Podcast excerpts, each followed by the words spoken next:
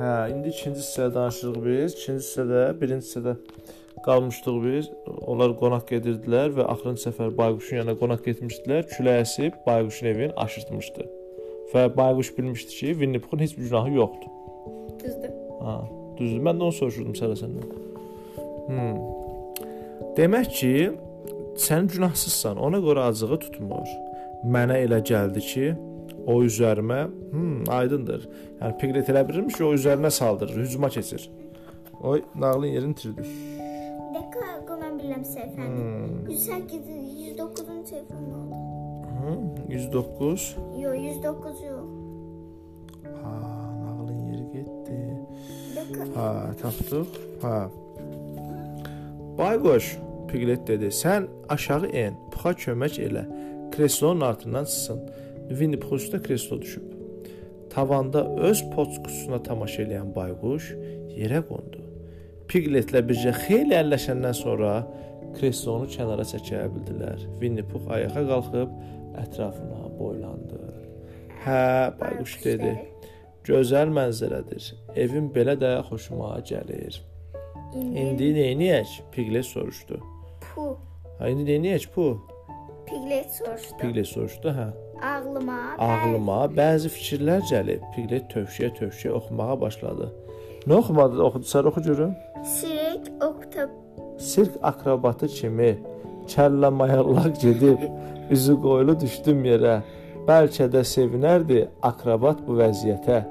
Amma mən ayıyam axı. Odur ki, özümü elə göstərdim. Elə bil dincəlirəm. Gəl yıxılmayıb da dincəlirmiş. Ağıllı. Günün günorta vaxtı boş bikar uzanmışkən muzanı xatırladım.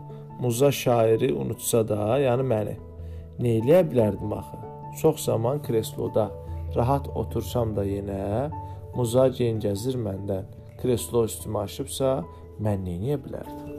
Yəni üstümə aşıb kreslo qaldıra da bilmirəm. Nə edeyim? Güya elə eləyim ki, özüm yıxılmışam, uzanmışam, dincəlirəm. Vəssalam. Winnie Pux şeiri tamamladı. Bayquş səbrini basıb mənasız söz yığını hesab etdiyi bu şeiri dinlədikdən sonra narazılıqla öskürüb dedi ki, Winnie sözün qutarıbsa, onun icazəsi ilə böyük problemlər üzərində baş sındırmaq lazımdır. Nəzərinizə çatdırıram ki, Bayquş dedi. Bizə ənənəvi qaydada qapıdan çıxa bilməyəcəyik. Çünki qapı aşıb. Çünki qapının üstünə nəsə düşüb, yol bağlanıb. Başqa cür necə çıxmaq olar? Piglet həyəcanla soruşdu. Böyük problemlərin birincisi də budur Piglet.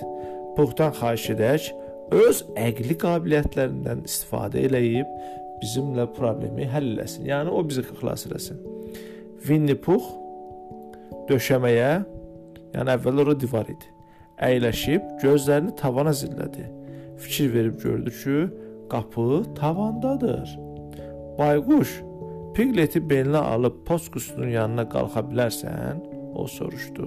Yox. Piglet bayquş əvəzinə cavab verdi. O bucu bacarmaz. Bacarmaz. Bayquş zəruri və müvafiq bel əzələləri haqqında danışmağa başladı. Belə şeylər haqqında rahat danışmaq olar. Çünki onsuz da heç kəs heç nə başa düşməyəcək. Yəni göpləyə bilərsən. Bilirsən, bayquş, Pigleti poşkusunun üstünə qoya bilsən, o da qutunun yarığından keçib çölə çıxar. Ağacdan düşmək, düşüb kömək çağırmağa gedər. Piglet dərhal bəyan etdi ki, o son vaxtlar xeyli kökəlib, post qutusunun yarığından keçə bilməz. Cavabında bayquş dedi ki, son dövrlərdə post qutusunun yarığı xeyli genişlənib, axı qutuya qalın məktublar da atırlar. Odur ki, çox güman ki, Piglet o yarıqdan keçə bilər. Deyəsən bu nağılı biz bir dəfə danışmışıq. Hə, Sara? Piglet dedi. A, danışmışıqsa bəs niyə təzədən danışırıq sən? Bilmirəm, heç bəlkə danışmışıq, bəlkə danışmamışıq. Yaxşı. Danışaq da, bir də Piglet dedi. Axı özün dedin ki, zəruri və müvafiq belə ləzzələri dözməyə bilər. Ona görə başqa tədbir görmək lazımdır. Bu zaman Pu Pigleti daşqından xilas etdiyi vaxtları xatırlatdı. Dedi, onda hamı onunla fəxr edirdi. Həyatda belə fürsət az elə düşür. Yəni donuza deyir ki, sən Piglet bizi xilas eləsən, hamı səndən danışacaq. Sən qəhrəmansan, sadəcə düşüb kömək axtarmalısan. Hə, həyatda belə fürsətlər az olur. Fikirləşdi ki, bütün bunlar təkrarlansaydı, çox yaxşı olardı. Qəfildən ağlına bir fikir gəldi. Bayquş, Pig dedi. Mənim bir fikrim var. Ağıllı və fərasətli ayı, Bayquş dedi. Pux belini düzəldib sözə başladı. Kəndir götürüb bir ucunu Pigletin belinə bağlayırsan, sonra ipin o biri ucunu dimdiyinə alıb poçt qutusunun yanına qalxırsan. Kəndiri tavandakı qarmaqdan keçirib aşağı sallayırsan. Biz var gücümüzlə kəndiri çəkirik, Piglet də yuxarı qalxır. Vəssalam. Bayquş dedi: "Bəs kəndiri qırılsa?" "Bə bək qırılsa necə?" Piglet çəkələyərək soruşdu. "Onda başqa kəndir bağlayarıq." Amma Piglet sakitləşmədi. Çünki yıxılan o olacaqdı. Winnie Pux deyil. Piglet xəyalən həyatının xoşbəxt çağları ilə vidalaşdı. Elə bir şey olacaq. Axı əvvəllər onu heç kim kəndirlə çəkib yuxarı qaldırmamışdı. Sonra o cəsarətlə başını qaldırdı, lakin yenə də çəkəldəyərək Winnie Puxa dedi ki, bu çox ağıllı plandır. P -p -p plandır. Kəndir qırılmayacaq. Winnie Pux dostuna ürəkdək verməyə başladı. Ax sən balaca məxluqsan. Bizi xilas etsən, böyük qəhrəmanlıq göstərmiş olacaqsan. Onda mən sənin qəhrəmanlığını vəsf edən mahnı bəstələyəcəm. Hamı deyəcək, Piglet elə böyük qəhrəmanlıq göstərib ki, Winnie Pux onun haqqında məthiyə mahnısı bəstələməli olub. Onun sözləri Pigleti ürəkləndirdi. Başlayaq. Winnie Pux şən səslə dedi və onlar kəndirdən yapışdılar. Bir göz qırpımında Pigleti yuxarı qaldırdılar. O post qutusunun qapağını qaldırıb yarıqdan içəri girdi və nəhayət çölə çıxa bildi. Sevincdən yerə göyə sığmayan xoşbaxt Piglet bir anlığa çıxışda dayanıb ziltili səslə onlara təskinlik verməyə başladı. Hər şey qaydasındadır. O yuxarıdan səsləndi. Bayquş, sənin ağacın yıxılıb, qapının üstündə böyük bir budaq düşüb.